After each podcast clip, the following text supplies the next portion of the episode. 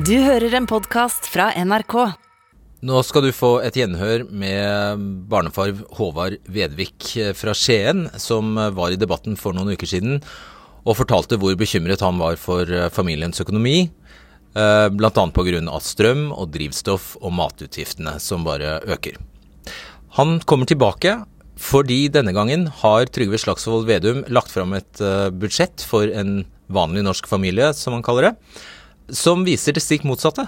Nemlig at uh, denne familien vil få nesten 15 000 kroner mer enn i fjor å rute med. Og det er Vedums regnestykke som er gjenstand for uh, denne debatten. Senterpartileder Trygve Slagsvold Vedum gikk til valg på å gjøre hverdagen bedre for vanlige folk. Og For noen dager siden fikk Stortinget vite nøyaktig hva han mente. Finansminister Trygve Slagsvold Vedum sa at en vanlig familie med to barn ville sitte igjen med 14 700 kroner mer i år enn i fjor til å dekke andre utgifter enn renter, drivstoff, mat og strøm. Men kjenner vanlige folk seg igjen i det? Velkommen, finansminister Vedum. Takk for det. Kari Elisabeth Kaski fra SV. Takk.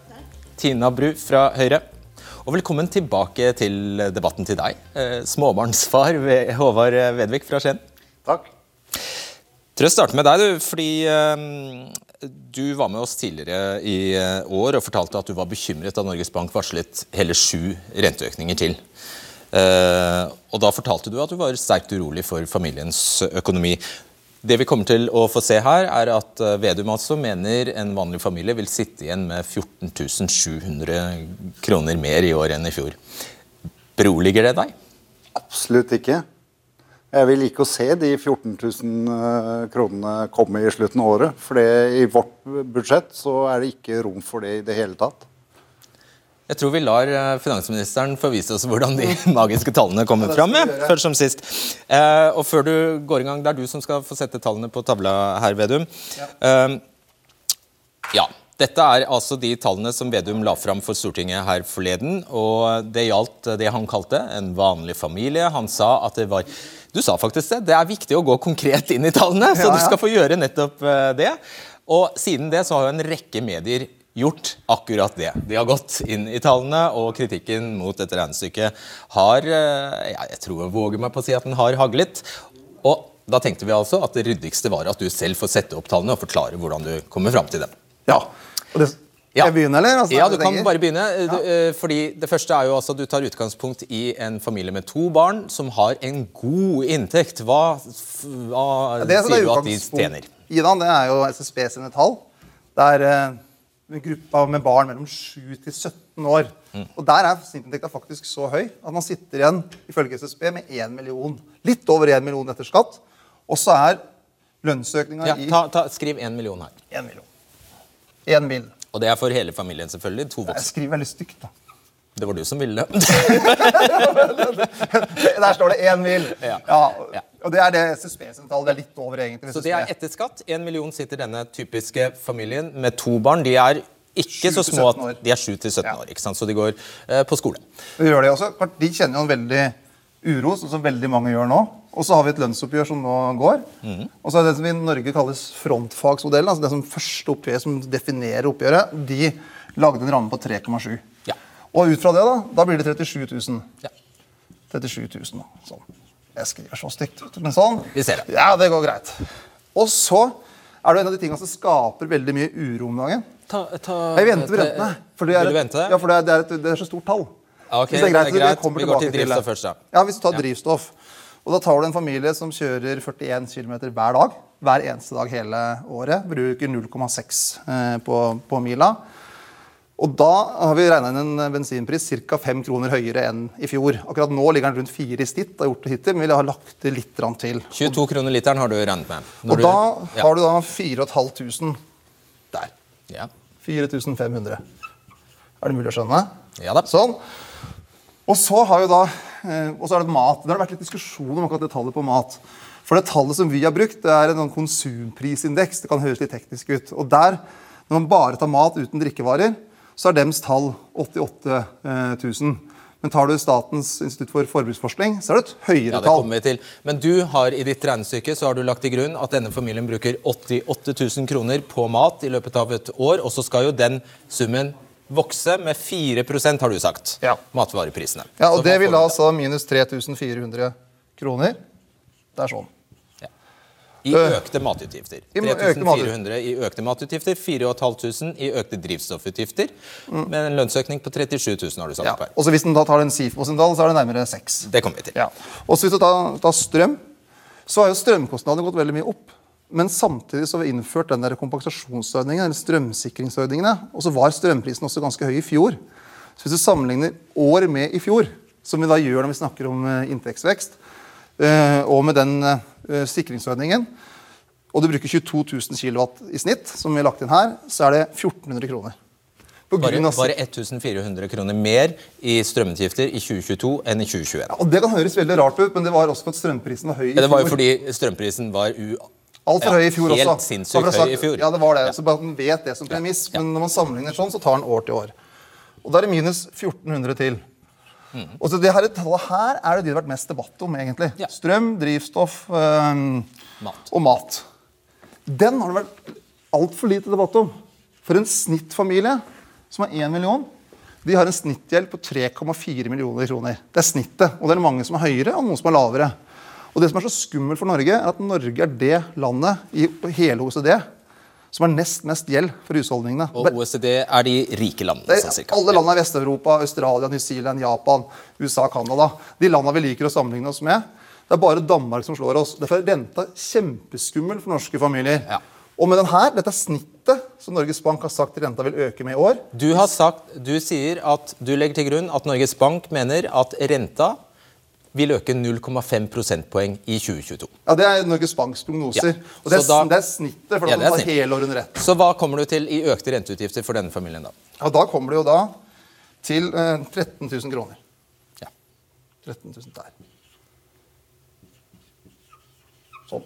Der står det 1000, da. Ja.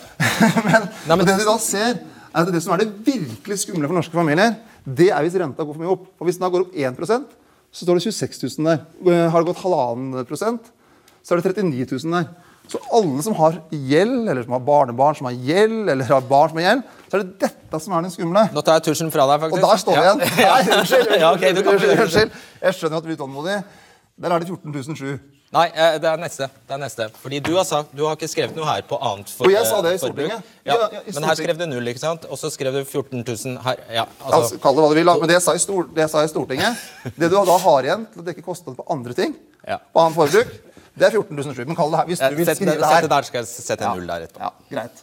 14 007. Ja. Men, det som da, men når du ser hele det regnestykket her, og når du ser, eh, hvis du legger litt høyere pris på mat, så vil en familie med så mye gjeld sitte kanskje bitte litt i pluss, reelt sett nesten i null. Men Greit. man har alle andre kostnader. Men Ja. det som er skummelt, er hvis man da fører en politikk Ja, ja, ja, men det har du sagt. Vi har skjønt det. Vi, og vi kommer nærmere inn på renta. Men er ikke det ganske viktig? Jo, kjempeviktig. Så foreløpig takk. Ta plass der. Eh, da eh, skal vi starte på toppen her. Eh. Vedum, du har altså lagt til grunn at denne familien har en samlet inntekt faktisk før skatt på 1,5 million kroner. Nå skal vi se hvordan den tabellen eh, fra Statistisk sentralbyrå faktisk ser ut. Du har Den viser Hvis vi får ut den. Ja. Det er litt smått, men det er også den gule familien du har valgt å ta utgangspunkt i. Og det dette viser, er at du har valgt en veldig velstående familie. Ja, det er, Slettes ikke Bare, bare, bare, bare vent litt. Du kunne selvfølgelig ha valgt en familie som tjente veldig mye mindre. Du kunne ha valgt en aleneboende. Du kunne ha valgt nesten De fleste familier har dårligere råd enn den familien du har valgt. Så hvis du f.eks. da i stedet hadde sagt at du tar utgangspunkt i medianhusholdningen eh, i Norge, så ville du fått et tall på dette. 546 700 kroner. Ja, og det der, men det er veldig viktig at man ser hva de to tallene er.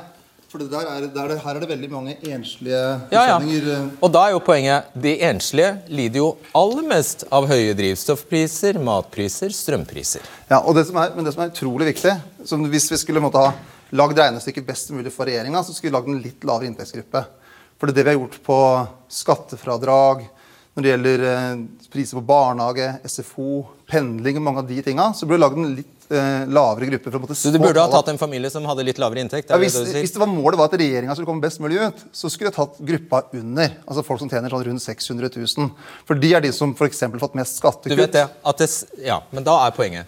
Dess lavere inntekt du velger å regne på, dess mer biter akkurat disse Ja, utgiftene. ja, og det er det som er så skummelt. Hvorfor valgte du ikke en annen familie? Hvorfor valgte du ikke en mer normal familie å regne på? Fordi den er mest nøytral. for at Når du valgte akkurat den snittinntekta på rundt 750 000, så hadde du, den kom veldig nøytralt ut av regjeringa sitt skatteopplegg. Så hvis jeg hadde valgt en familie som var på 600 000, så hadde folk beskyldt meg du har tilpassa det akkurat sånn regjeringen kommer best ut.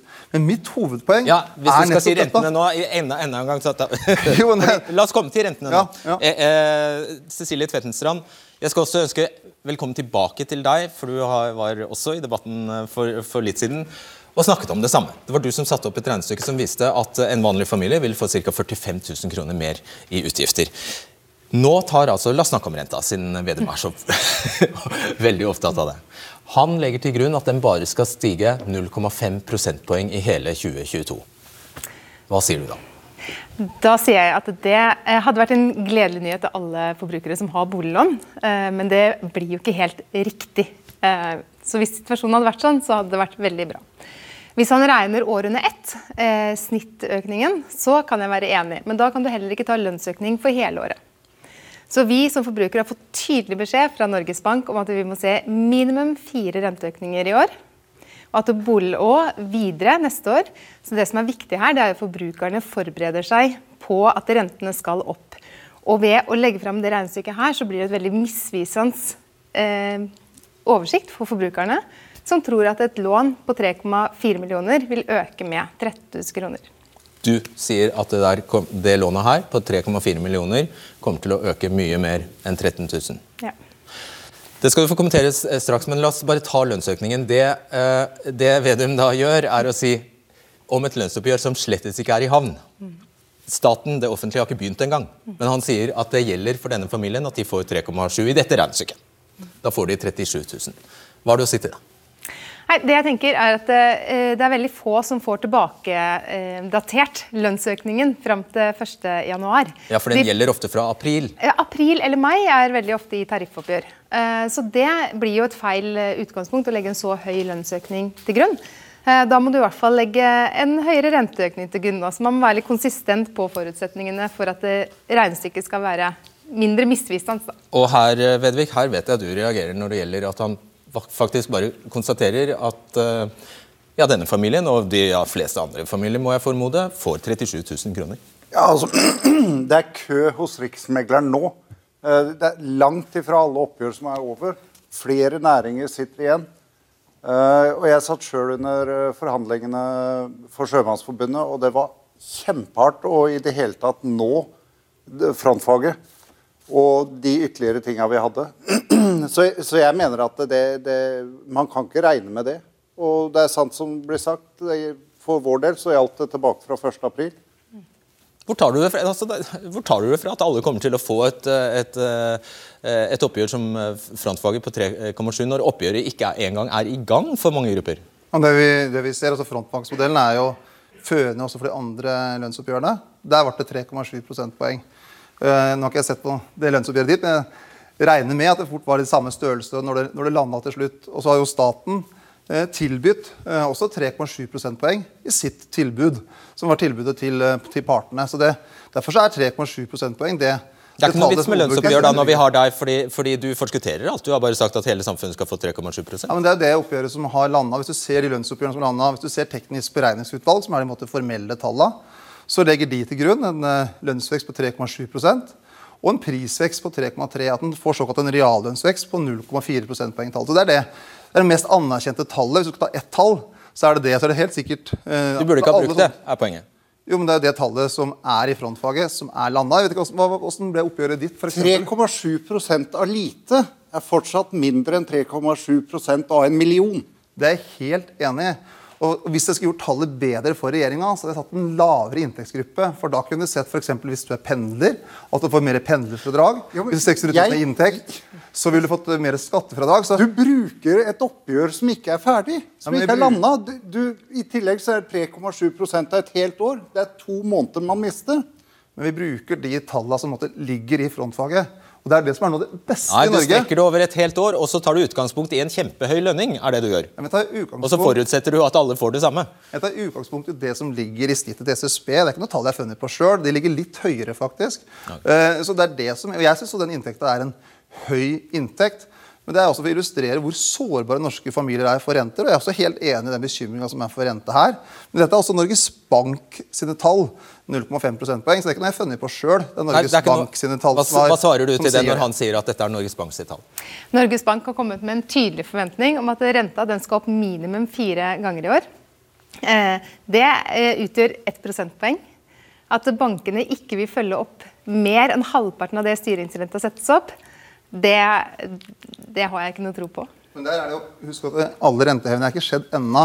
Så når Norges Bank har kommet med det tallet så Det er ikke, det er ikke noe jeg har funnet på. Det er Norges Banks offisielle prognose med fire rentehevninger. Så- Og så er min bekymring er at vi skal få flere rentehevninger. Så vi har akkurat samme bekymring, for dette regnestykket her viser at det som gjør familier mest sårbare Sikkert de nå, jeg kjenner ikke hvor mye gjeld dere har, men de fleste familiers mest sårbare punkt det er hvis renta går for mye opp. Ja, svar superkort på det. Eh, Det er jo forventa en renteøkning innen eh, ett prosentpoeng innen et år. Og det utgjør dobbelte eh, summen av det Vedum og regjeringen legger frem her. Ved å legge frem et så lavt tall, så maner det til forbruk istedenfor en tid nå. Vi må være bevisst på forbruket vårt og heller skrumpe inn, for nå vet vi at boliglånsrenten vil gå mye opp. Og det er det som er viktig å forberede seg på nå. Ok, Da skal du få ta en Jeg er ikke uenig i det. Altså Nei, bare, du burde det bare, skrevet det bare, oss det er bare, mer, er det er bare de formelle Ja. tallene. Så det er ikke noe vi er Ta en, liten pause, eh, ta en liten pause, så kommer du tilbake igjen.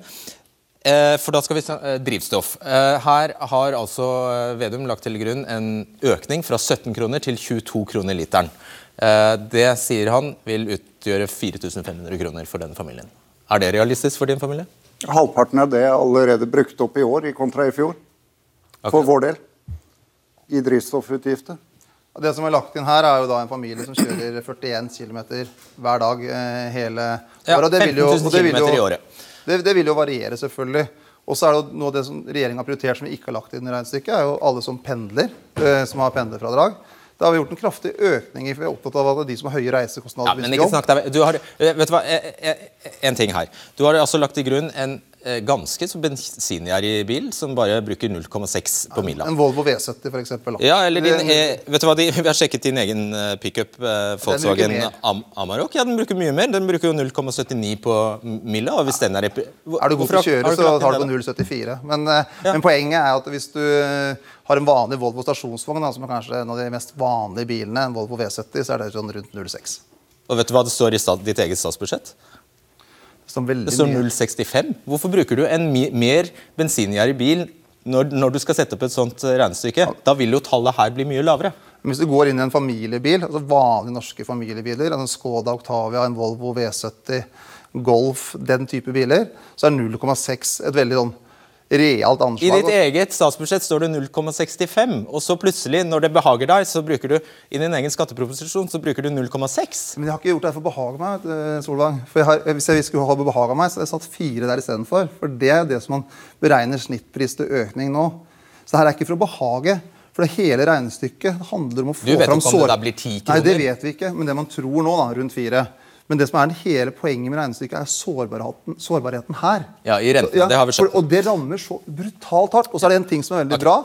At 70 000 flere har kommet i jobb siden, kommer i jobb løpet av året. Og for dem så får du en ekstra høy kjøpekraftsutvikling. At vi får flere og flere jobb hver dag. Ja. Og noe av det som truer dem, er Ja. uorden i økonomien. La oss, snakke, la oss snakke om mat. Du har altså her lagt til grunn at matvareprisene skal øke med 4% Og det er, vil noen si i seg selv, ganske optimistisk. Noen frykter at det vil stige mer enn det. Vedum vil at familien skal, eller sier at familien skal bruke 11% av sin disponible inntekt på 1 million på mat. Det vil altså si 88 000 kroner i året. Hvis man deler det på 12, så, så blir det 7300 kroner per måned, 1800 kroner i uka, 244 kroner per dag. Men som Vedum var innom her, Forbruksforskningsinstituttet SIFO, som regjeringen for øvrig finansierer, er nettopp satt til å beregne folks utgifter. Mange av dere hjemme kjenner SIFO-budsjettet fra Nav, fra sosialhjelpen, fra barnebidrag, og SIFO er ikke kjent for å sette opp rause budsjetter. Det er de slettes ikke. Men de anslår at en slik familie som Vedum har valgt, faktisk trenger 12 880 kroner i måneden til mat. Ikke 7300, som Vedum sier. Så hvis Vedum hadde lagt dette SIFO-budsjettet til grunn, og i stedet plusset på eh, prisvekst på det, så ville matutgiftene vært Jeg skal løpe bort her og skrive det. 6180 Treffer jeg nå? Ja. 6182 kroner i stedet for 3400 kroner øk, ville økningen vært. Vi skal se nå hva man får for Vedums matbudsjett. Velkommen, uh, Tor Erik Aag. Du er kommersiell direktør i Oda. Takk. Som altså er uh, Norges største matbutikk på, uh, på, nett, og nylig vant dere VGs matbørs. Så dette, ikke, dette bør ikke være dyre, de dyreste varene. Nei da, nå kriger vi på pris også. Yes, da fikk du sagt det. dette er altså en eske med matvarer for Vedums ukesbudsjett 1830 kroner. Ja, i hvert fall eh, eksempler. Ikke eh, alt eh, i den ukeshandelen, men det er en del av de varene. Hva er det vi har her? Vi har jo tatt utfordringen og satt sammen en ukeshandel basert på Vedum sitt budsjett, og da brukt oppskrifter som er rimelige og barnevennlige fra Oda. Og uh, i uh, slik ukemeny så det kan vi gjøre, så starter vi på mandag med kjøttfri mandag. der blir det falafelboller. Og så fortsetter vi på tirsdag med fiskeburgere. Det blir laksefilet litt senere i uka. Vi har kyllingfilet. Og så må vi ha tacofredag. vi bor jo i Norge. Og så runder vi av uka med en tradisjonell kjøttkakemiddag. Og hva er det man... Ja. Så, så det, er jo, det, er jo, gode, sunne middager. Uh, også, men så ser du her, da, det er jo noe som kanskje mangler her. Ja, hva er det som mangler? Uh, selv om vi graver dypt her, så er det ikke særlig mye moro og kos. Uh, Innafor det budsjettet her så er det rett og slett uh, umulig å få til noe særlig med lørdagssnacks. Det blir ikke noe pils på kvelden eller uh, noe brus til middagen. Og er det noe rødt kjøtt, norsk rødt kjøtt oppi her? Uh, biffmiddagen på søndag den må du nok dessverre Har du ikke råd til den? Nei, ikke på det budsjettet der. Hmm. Noe veldig frittgående ja, kyllinger eller noe sånt? Nei, det er jo slik at en del av disse både lokale varer og en del spesielle varer koster litt mer, og det vil man nok ikke få lov til å Altså det han vil vi skal kjøpe, med andre ord? Det er, kan kjøpe det, de offisielle tallene til konsumprisindeksen Solvang, så det ja, ja, ja, ja. folk kan kjøpe akkurat Nei, men, det de vil. Vet, det, det vent, vent, vent, vent. Ok, så, så, poenget her er at man, ja, man overlever på 1800 kroner i uka. Det gjør en familie på fire. Det er det. Men det blir, et, det blir ikke et sånn veldig morsomt kosthold. Nei, det, og det vil kreve disiplin. Vil, da må du være bevisst hvor du handler, hvilke varer du handler, fordi det er stor forskjell på matvarene i butikken også. Og så må du planlegge godt. Ok, jeg sier tusen takk til deg. Takk skal du ha. Eh, Vedvik, vil du ha 1800 kroner for en familie? Jeg vet dere venter et barn, men foreløpig er dere fire? Stemmer ikke det? Jo, det stemmer. 1800 kroner. Da kommer vi til torsdag. Ja. Er det fordi dere kanskje ikke er så flink til å spare, da? det handler ikke om sparing. Det er vel så mye Altså, Man skal prøve å få et sunt kosthold til barn, til alle. Og I tillegg så er den kosen som vi kanskje har vent oss litt for mye til. Så, men, men, vi er prisbevisste. Vi ukeshandler. Vi kjøper billigprodukter som ikke er norske. Fordi det er dyrere. Og det blir ikke noe mer av det i vår husholdning når uh, utgiftene våre øker så. Hvordan vil du forklare dette her? Altså det, og det jeg skal si, når du, når du, budsjetterer for denne familien med mat til 88 000 i året, altså 1800 kroner i uka, så har du ikke engang tatt med drikke. Det er ikke en skvett brus. Ingenting. Ikke en, ikke, ikke en dråpe saft. Det her er konsumprisindeksen. da, den faktoren Ja, det er en veldig spesiell måte å gjøre det på. er egentlig poenget. Jeg sa jo også i presentasjonen at eh, hvis du legger SIFO sine tall til grunn, altså de tallene der, da, som er det offisielle, igjen er det offisielle tall, så er det ca. 90 000. Det er en veldig er merkelig måte å gjøre det på. Jeg vil fullføre resonnementet. Ja, da er det ca. Okay. 90 000. Hvis du legger SIFO sine tall, så vil en familie bruke ca. 150 000. Og med kostnadsvekst da, så er det ca. 2600 kroner mer hvis du da har et budsjett på 155 000. Så, det, så derfor så kan du jo, hvis du da legger den høyere banen, da, så er det noen 2600-2700 mer. Uh, Igjen så er det ikke det som er den store driveren. Jeg er veldig opptatt av at vi skal klare å holde matvareprisen i Norge på et moderat nivå. og Akkurat nå så har den norske landbrukspolitikken bidratt til å dempe prisene. For at eh, de internasjonale råvareprisene har gått opp. og det er, det er Du, det, altså SIFO-tallene er det Nav bruker på sosialklienter f.eks. Så det er ikke et romslig budsjett. Og Nei, du, du kutter deres budsjett nesten i to. Ja, det er ikke jeg som gjør det her. Ja, du, du har valgt å sette det opp sånn, da. Der er konsumprinsindeksens offisielle ja, tall. da.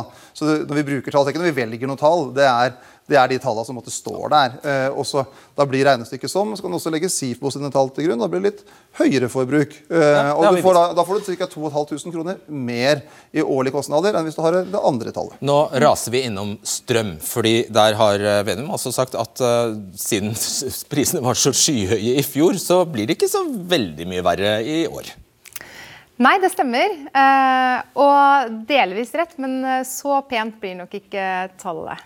Fordi Hvis du følger eh, analysene til eh, Nasdaq, eh, som er børsen som forhandler eller kjøper og selger forventa strøm, fremtidige strømkontrakter, så kan forutsetningene og prisen som er lagt til grunn i regnestykket, virke noe ufullstendig.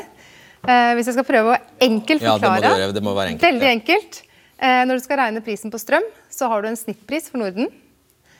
Men vi vet jo at det, det ikke stemmer. Det er veldig store forskjeller på priser.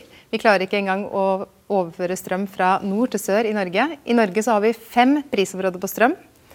Kristiansand, Oslo og Bergen, sørlig delen, har hatt mellom fem og ti ganger så høy strømregning som Trondheim og Tromsø de siste årene. Og for å regne prisen på eh, Sør-Norge, som er lagt til grunn i regjeringens eh, regneark, så må du legge til prisen for området eh, til denne systemprisen. Og hvis du legger til Oslo-prisen, så må du legge til 50 øre til i tillegg på Oppå prisen den prisen på han har, Vedum har regnet på. Ja. Okay, så, den der, Så da må du legge på et par tusen kroner også på strømregningen. Da gjør vi sånn. Og så sier jeg tusen takk. og så tror jeg bare vi eh, fyker videre til det Vedum altså i sitt budsjett har satt til kroner null. og Det er jo alle andre utgifter som også kommer til å bli dyrere. Det er alle varer og tjenester som er beregnet i den Hei, Heikki Romdal, du er sjef seniorøkonom i DNB Markets. Altså, før, Hvis vi bare eh, Konsumprisindeksen er beregnet til 3,3% i år. Hvis vi tar ut prisveksten for mat, strøm og drivstoff, så er den beregnet til 2,1% Og hvis vi da igjen sier at eh, Nå må jeg bare eh, At denne familien etter at de har betalt renter og avdrag, så sitter de igjen med 800 000. Jeg skal gjøre dette kjapt. Dette tallet her kan også Altså det de faktisk har til rådighet, kan bli enda mindre. Altså 12 500 kroner. Eh, Det er hvis vi legger SIFO, matbudsjettet, til grunn. Det er, så de sitter igjen med mindre hvis vi gjør det på denne måten. Eh, Hva vil du si til at eh, Vedum, når han setter opp sitt budsjett, har satt kroner null her? Han har sagt at eh, de har et overskudd på 14 700. Det skal dekke alt annet forbruk. Og Så spørs det hva prisveksten blir på alt det andre forbruket. Eh, Og det kan se ut som, altså Hvis denne familien skal gå i null, så må prisveksten på det være 2,1% Da går det i null. Ja. Men hvis vi da regner ut prisveksten på hele forbruket, så ender vi ut med en prisvekst på rundt 3% og ikke de 3,3 som er forutsatt av partene i arbeidslivet f.eks. Eller 3,4 som Norges Bank har i sine anslag. Så det betyr at eh, skal vi legge til grunn partenes anslag på prisvekst, så vil ikke denne familien ha nok til å dekke eller å opprettholde alt det andre forbruket. Eh, De vil ikke ha penger. De går i minus. De går i minus. Og når du sier partene, det er selvfølgelig arbeidsgivere og arbeidstakere. Som skal forhandle om dette. Ja, så hva, hva, eh, Men det klarer man jo ikke akkurat å se av Vedums budsjett. At det går i minus. Det ser, ser jo ganske så lystig ut her. Det kan jo være at eh, prisveksten blir lav da, for dette, men, eh, men det, da stemmer ikke forutsetningene her sammen med det partene i arbeidslivet har fremforhandlet, f.eks. Eh, og det skyldes at sammensetningen av eh, konsumet for denne husholdningen ser litt annerledes ut enn den gjør i konsumprisindeksen. Oi, det må du. Prøv å si det på en annen måte. I konsumprisindeksen så eh, er jo f.eks. matvarer har en vekt, eh, viss andel av, av forbruket, og sånn er det med alle de andre komponentene. Når vi veier sammen dette, eh, så har dette forbruket her en litt annen sammensetning enn det vi ser i konsumprisindeksen. Da skjønte vi det. Tusen takk skal, skal du ha. Ja, da, Kari Elisabeth, Dere kan være med og debattere dette på, på nett. og skal også minne om at debatten finnes i NRK TV, som alltid. Kari Elisabeth Kaski, dere har også reagert på dette regnestykket. Hvorfor det? Det er det flere grunner til, og, og, vi har egentlig fått godt forklart egentlig hovedgrunnene. fordi det, det, blir jo i realiteten litt sånn feil på feil, og det tror jeg egentlig ganske mange i Norge også kjenner seg igjen i. At dette stemmer ikke overens med det de faktisk opplever i hverdagen i dag. Eh, og, og, bare for å liksom ta egentlig det som jeg tror er viktigst her, det er at Flesteparten av de norske husholdningene har ikke en inntekt på 1 million etter skatt. Altså det er faktisk såpass at 80-90% av husholdningene i Norge har lavere inntekt etter skatt. Og Da sier det seg sjøl at man ikke kjenner seg igjen i de tallene. Og Jeg tror det er litt viktig å liksom være ærlig på at det kommer til å bli et tight år. Sånn prisene øker, det merker vi alle sammen. Og for mange så får det konsekvenser på forbruket. Men det er ikke familien og husholdninga med en inntekt på 1 million etter skatt som, som vi skal være mest bekymra for.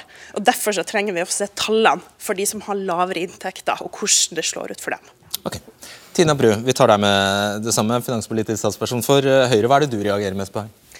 Jeg føler egentlig vi har fått en ganske god gjennomgang av også det vi lurte på, gjennom det som vi har sett eh, til nå i sendingen. Og vi òg eh, har jo sendt et spørsmål til finansministeren om dette for å finne ut av hva er det som ikke står i dette regnestykket. Og jeg tror jo kanskje at eh, folk som sitter hjemme nå og ser på dette, det blir litt sånn Ok, men mitt liv er jo ikke akkurat sånn. Altså, Jeg kjører mer bil, eller jeg trenger å bruke mer penger på mat, eller jeg skal kjøpe klær til barna mine, ikke sant? og alt det der spiller inn. Så, men jeg tror jo, for å være litt hyggelig med finansministeren, så tror jeg at hele poenget med dette regnestykket og det er for så vidt prisverdig, det er jo å få frem at det som betyr aller mest for norske husholdninger og norske familier, er jo renta. Og hvis den stiger enda mer enn det som vi vet nå er varslet. Det er det som kommer til å slå ut, og det viser jo også det regnestykket der og, om enn at det er feil på mange ting. Vi, det, vi har det her også. Ja, Så viser det at det er det som vil være på en måte den store, eh, store kostnaden. Så der er dere grunnleggende enige, og egentlig det vi kan dis diskutere her, er om det er noen forskjell på dere om dere nå vil gi ekstra støttepakker til strøm, til, eller plusse på strømpakka, om dere vil gi til mat, om dere vil gi til drivstoff. Og der er det sånn at dere vil inn og er det sånn at dere vil, og dere vil, du vil ikke?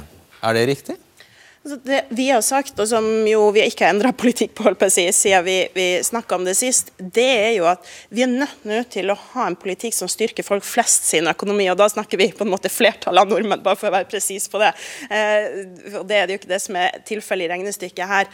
Og Det gjør vi jo gjennom skatteendringer gjennom å kutte skattene for folk flest, eh, og øke for de på toppen. For de har faktisk fått bedre råd gjennom de siste årene. Mange av de ligger an til å få langt høyere lønnsvekst enn det som også ligger i frontfag i år, mens det er motsatt fortegn egentlig fordi de får lavere lønn. Så de tåler at vi kan øke skattene for de, egentlig erstatte deres kjøpekraft litt med å gi det til folk med lave inntekter, som nå merker at de ikke får til å få det til å gå rundt. Og så må vi øke velferdsordningene. Og Der synes jeg det også er viktig at vi treffer treffer mange av de som nå sliter aller aller mest. La oss se på sosialstønaden, la oss se på bostøtta, minstepensjon. For der har du virkelig de som risikerer å falle ut i ordentlig fattigdom. Eh, men du er faktisk her bare for å, for å, tydeliggjøre det, du er faktisk egentlig her for å advare mot å slenge mer ekstra penger på alle disse tingene som øker veldig i prisen. Ja, altså det er det, det, kjedelige, men det ærlige svaret her er at det aller viktigste nå, hvis vi vil unngå da, at kostnaden øker voldsomt for vanlige folk, så er det å holde igjen på statens pengebruk. Og Det er ikke en hyggelig beskjed å gi. Det er ingen politiker som har lyst til å stå og si sånn dessverre, eh, vi kan ikke hjelpe deg å betale nå for drivstoffet som går opp i pris, eller vi kan ikke kompensere for matvareprisene. Men det er sånn det er. Og det må vi faktisk være ærlige på. fordi hvis vi bruker for mye penger inn i økonomien nå, så kommer renta til å stige mer enn det vi allerede vet at den kommer til å stige. Det vil bety mye mer, og det kommer til å vare mye lenger også enn det kanskje en midlertidig periode med litt høyere priser på mat eller litt høyere priser på strøm vil vare. Så der er jeg enig med finansministeren. Men nå står jo testen da, i revidert budsjett når det nå kommer. fordi i morgen kommer vi til å si at det er 14 nye milliarder. Vi har brukt 60 milliarder mer enn det som lå i mm. statsbudsjettet så langt i år. Dette må dekkes inn. Vi kan ikke bruke mer oljepenger. Nei, og det er ikke sånn at Høyre eh, ikke går av veien for å bruke penger på, det, på, offentlige utgifter. Slettes ikke. Dere har vært med på strømpakker, og dere har foreslått men, ekstra strømstøtte til bedriftene. skal bare konstatere det. Ja, men kan jeg bare ja. få si en kort ting på det, på strøm? Fordi det er en forskjell på det. Vi har også vært med på det på strøm, men det er inntekter som kommer rett inn på statsbudsjettet. Mm. Det er helt greit å dele ut igjen. Det er ikke oljepengebruk på samme måte som disse andre tingene. Så hvordan tolker du det, det, det som sier, uh, hvordan tolker du det hun sier? Ja, Altså Litt høyere pris på matvarer, det kunne alle klart. Litt høyere pris på drivstoff, det kunne alle klart. Og så er det ikke litt høyere pris på strøm, det er jo enormt høy, mye høyere pris på strøm. Og renteøkning. Totalen av det her gjør at uh, vi trenger en endring. Og En annen ting er at uh, om det blir ha harde kår, og det blir litt trangere for folk flest, så si det, da. Men ikke blås 15 000 kroner i året ut på et teoretisk budsjett. Ikke regn på millionærfamilier, er det vel egentlig han uh, sier, hvis du Jeg- vil ha et poeng. Altså, hvis, altså det som regjeringa og Senterpartiet og Arbeiderpartiet har prioritert, det er jo familier som tjener mer sånn 500 000-600 000. Så hadde vi fått et mye mer sånn positivt regnestykke for regjeringa, for de har fått skattekutt.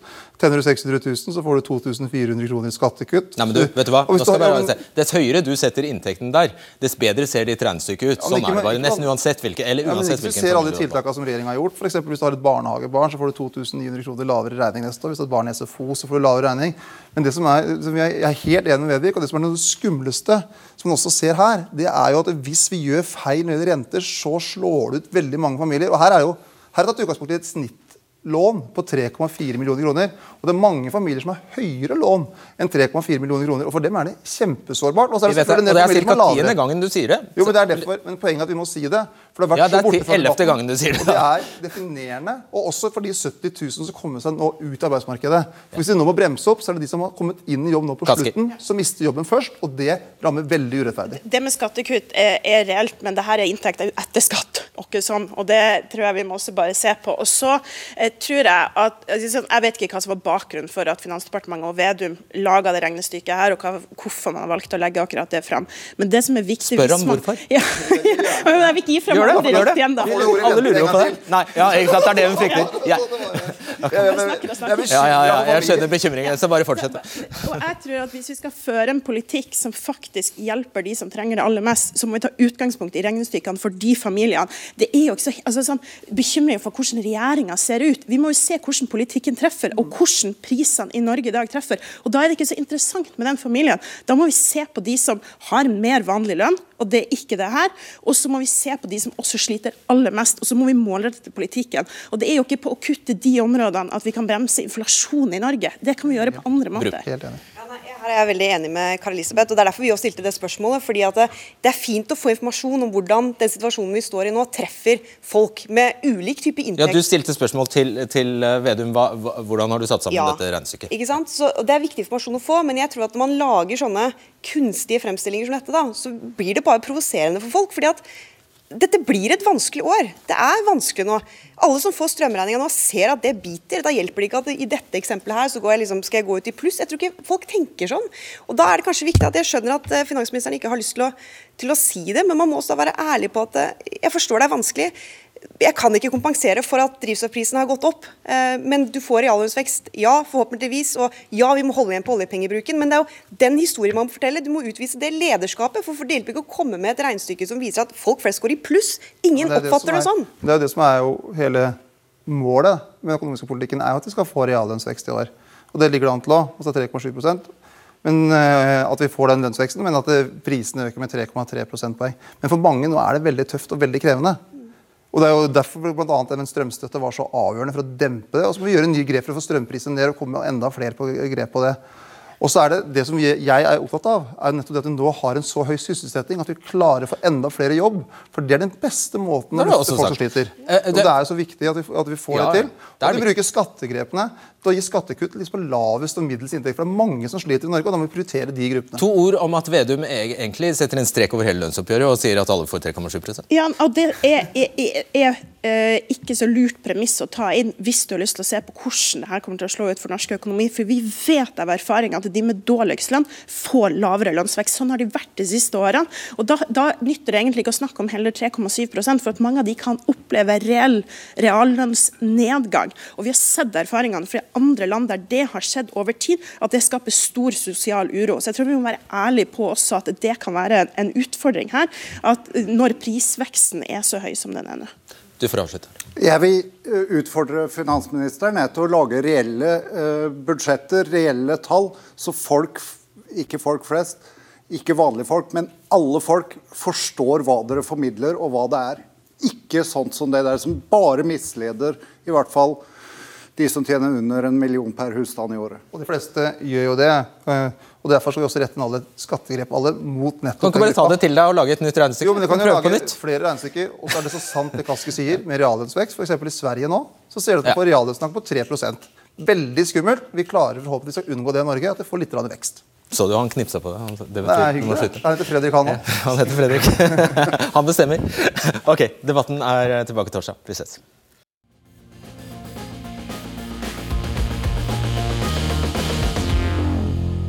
Av og til er jo debatten helt kurant på podkast, heldigvis. Men eh, her så håper jeg det var mulig å henge med. Eh, vi brukte jo tavle i stor grad. Vi så en Trygve Slagsvold Vedum som gikk fram og tilbake fra plassen sin. Eh, vi så disse matvarene som det er vanskelig å formidle bare på lyd. Så jeg tror nesten jeg ville anbefalt det, og sett akkurat denne debatten på TV. Men det gjør du selvfølgelig som du vil med, og hvis du fikk noe ut av dette her, så er jeg kjempeglad. Det håper jeg jo. Jeg tror jo hovedpoengene kom fram. Greit. Vi høres igjen på torsdag, dere. Ha det. Du har hørt en podkast fra NRK. De nyeste episodene hører du først i appen NRK Radio.